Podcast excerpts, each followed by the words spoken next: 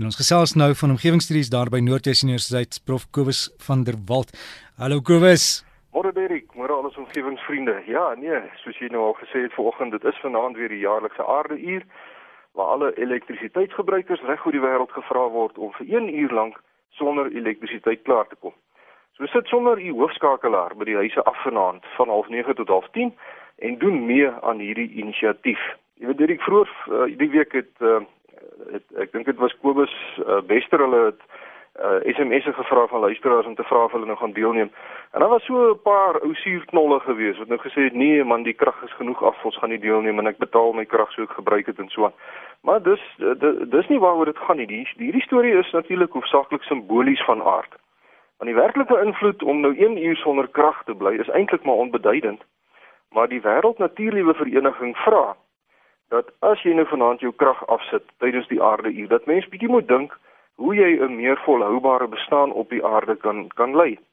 En dan skryf jy so een of twee voornemens neer en uh, plak dit op jou yskas vas, soos byvoorbeeld ons gaan nou ons afval hersirkuleer of ons gaan bietjie meer moeite doen met die groentetuintjie in die agterplaas of ek gaan nie meer so lank onder die stort staan nie. Dit gaan op die ou end ter wille van ons kinders en ons kleinkinders. So skryf jy voornemens neer, plak dit op die yskas en probeer dan daarby hou vir die res van die jaar. En natuurlik die aarde uur hoef nie 'n straf te wees nie. Uh kry dit met lekker kry klaar. Want so 'n uur sonder krag is in my opinie die ideale geleentheid om die gesin weer 'n slag sonder 'n blerende TV of sonder selfone of rekenaars bymekaar te kry rondom 'n braaivleisvuurtjie of om 'n romantiese kersligete of 'n piknik onder die sterre te deel met jou geliefde. So omgewingsvriende, sit af daai ligte vanaand en geniet hierdie wêreld waar jy inisiatief saam met miljoene ander mense. En dan Derek, terwyl ons praat van elektrisiteit, wil ek graag vanoggend gesels oor briewe wat ek ontvang het. Is twee van der Walt wat vir my geskryf het, meneer Ben van der Walt en meneer Hein van der Walt. Nou meneer Ben van der Walt se oudpik en meneer Hein van der Walt is van Kofesa en hulle beide het 'n klompie vrae oor thorium as potensiële energiebron gehad. Hulle sê die aansprake klink amper te goed om waar te wees en die vraag is of thorium dan nou werklik so 'n goeie bron van goedkoop energie is, hoe ver daar met die ontwikkeling van thorium kragopwekking gevorder is en waarom die wêreld nou nie lankal oorgeskakel het van Iran af na thorium toe as thorium dan nou so goed is nie. Nou ja, dis 'n paar baie interessante vrae en ek was vroeër die week daar in Mosselbaai se wêreld goue draai gemaak en ek het dit toe met 'n vriend van my meneer Kobus Brink van Hartenbos bespreek en hy het toe sommer vir my 'n hele klomp inligting gestuur wat op die internet beskikbaar is oor thorium as energiebron. En ek het die afgelope paar dae baie baie ure voor my rekenaar gesit en 'n groot klomp bronne gelees en YouTube video's gekyk oor thorium. Maar ek het te vinnig agtergekom uh, nogal dieselfde gevoel gekry as wat meneer Ben van der Walt uitgespreek het, naamlik dat dit te goed klink om waar te wees. En ek het 'n hele paar aansprake gehoor en gelees wat vir my maar bietjie pseudo-wetenskaplik klink. En toe besef ek ek sal hier 'n kenner se hulp moet in, inroep en ek het toe gaan kers opsteek met 'n kollega van van my hier op die pik Dr David Serfontein uh, wat by die skool vir meganiese en kerningenieurswese werk en hy het vir my die korrekte inligting oor thorium gegee. So kom ons begin deur te kyk na presies wat thorium nou is. Thorium is 'n natuurlike radioaktiewe element wat in 1828 ontdek is en vernoem is na die Noorse god van donderweer Thor, die uh, ou waaroor die flieke gemaak word deesdae. Nou volgens die internet is daar 'n groeiende belangstelling om thorium te gebruik in kernreaktors omdat daar omtrent 4 keer soveel thorium as Iran op aarde is en dat dit as 'n byproduk van raar aarde metale ontgin word. Die internet sê verder dat thorium in die natuur voorkom as 'n enkele isotoop en nie soos Iran in verskillende isotope wat eers verryk hoef te word voordat dit nou in kernreaktors gebruik kan word nie. Wikipedia sê dis nou 'n internet ensiklopedie vir ons ouer mense. Uh, hulle sê dat lande soos Kanada, China, Duitsland, Indië, Holland, Engeland en die VSA besig is om te eksperimenteer om 'n kernreaktor te bou wat met thorium werk in plaas van Iran of plutonium.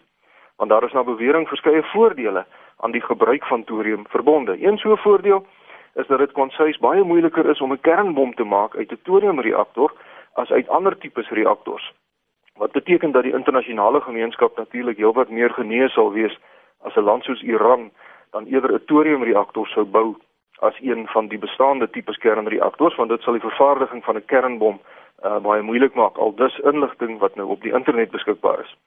Die internet sê verder dat 'n thoriumreaktor orde grootes minder radioaktiewe afval produseer en as daar nou 'n ramp of 'n ongeluk by so 'n reaktor gebeur, dan sal die kernreaksie gewoon stop.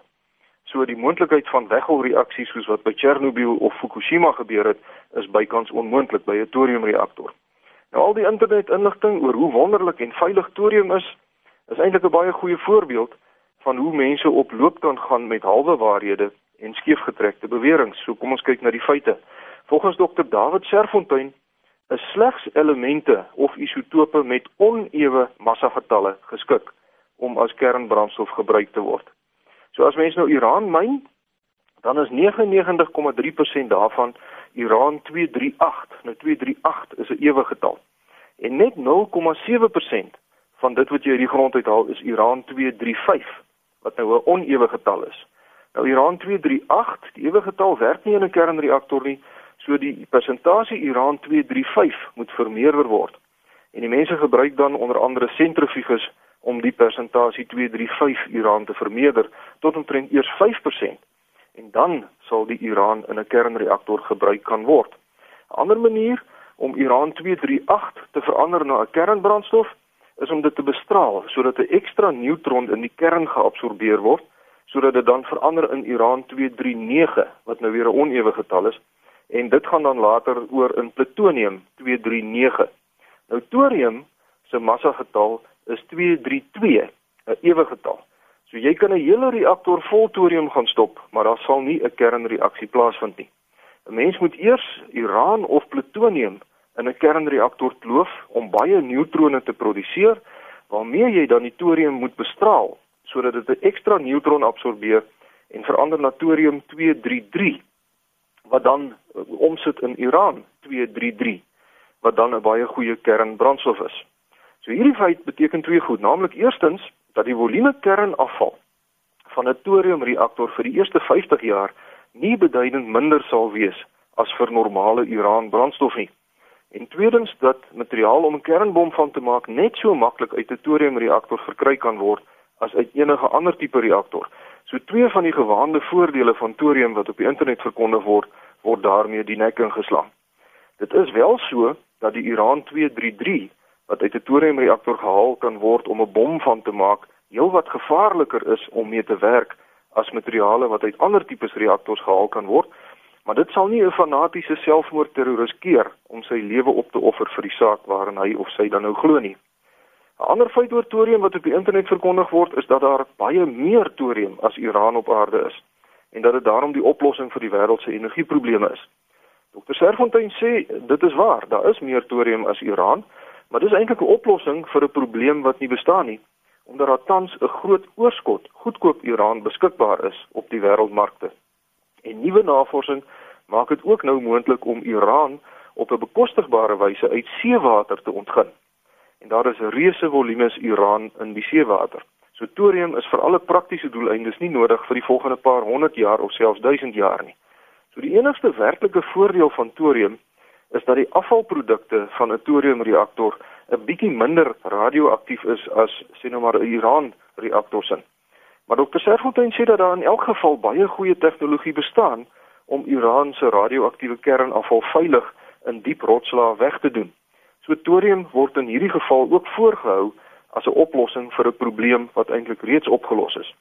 Hy sê die gewone mens op straat se idee van Iran is dat dit iets is wat sleg is, gevaarlik is en duur is, maar dit is nie so nie. Veiligheid hang baie meer af van die tipe kernreaktor as van die tipe brandstof binne in die kernreaktor.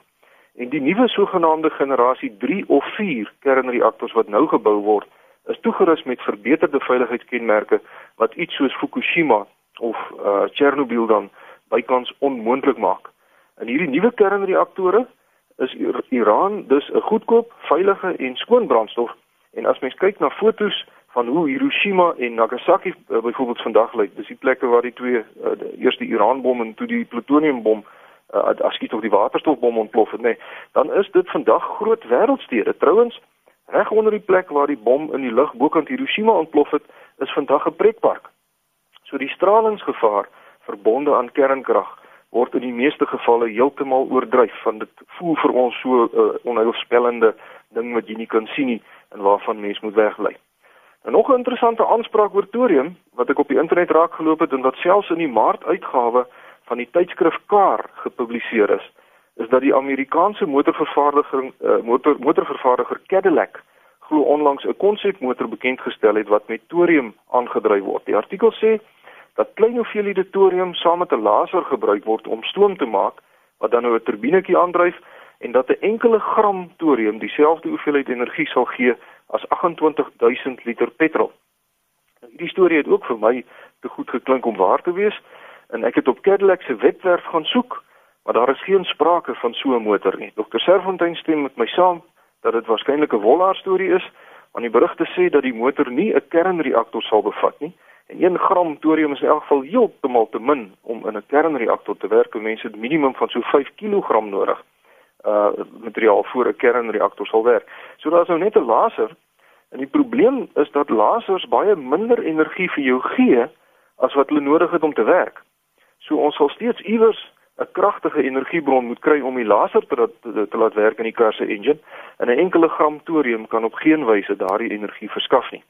As mens kernenergie vir vervoerdoeleindes wil inspann, is 'n baie meer realistiese benadering om gewone kernreaktors ongeag of hulle met uran of thorium aangedryf word te gebruik om elektrisiteit mee op te wek wat die batterye van elektriese motors dan kan laai.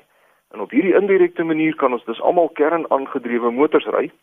En Dr. Serfontein is 'n groot voorstander van hierdie benadering. Nou dieselfde argument wys natuurlik waarom dit tans nie veel sin maak om 'n elektriese motor in Suid-Afrika te ry nie, spesifiek hier by ons, want ons elektrisiteit kom hoofsaaklik van steenkool af. So 'n elektriese motor in Suid-Afrika is eintlik maar 'n indirekte steenkool aangedrewe motor en dis presies die teenoorgestelde as wat ons wil bereik hier in Suid-Afrika. Dit daarmee moet ek afsluit my hartlike dank aan meneer Ben van der Walt, en meneer Hein van der Walt vir hulle interessante vrae, meneer Kobus Brink van Hartenbos vir al die internetbronne en dan ook dokter David Serfontein van Kerningenieurswese hier by die Pik vir sy uitgebreide kennis oor kernenergie. Ons omgewingsvriende kan gerus vir my skryf My internetadres is kobus.vanderwalt@nwu.ac.za um, of ek is by die fakulteit Natuurwetenskappe Noordwes Universiteit, Potchefstroom 2520. Geniet aarde uur vanaand en vriendelike groete tot 'n volgende keer. Baie dankie aan Kobus van der Walt. Hy is professor by Natuurwetenskappe by Noordwes Universiteit en die e-posadres is kobus met 'n k kobus.vanderwalt@nwu.ac rsg.za. En onthou die gesprek gaan ook as 'n potgooi hier by maandag by rsg.co.za beskikbaar wees. Klik net op rsg.co.za, daar's potgooi, soek breakfast met Derek en dan kyk jy vir omgewingspraatjie en dan kan jy hom of aflaai of weer gaan luister.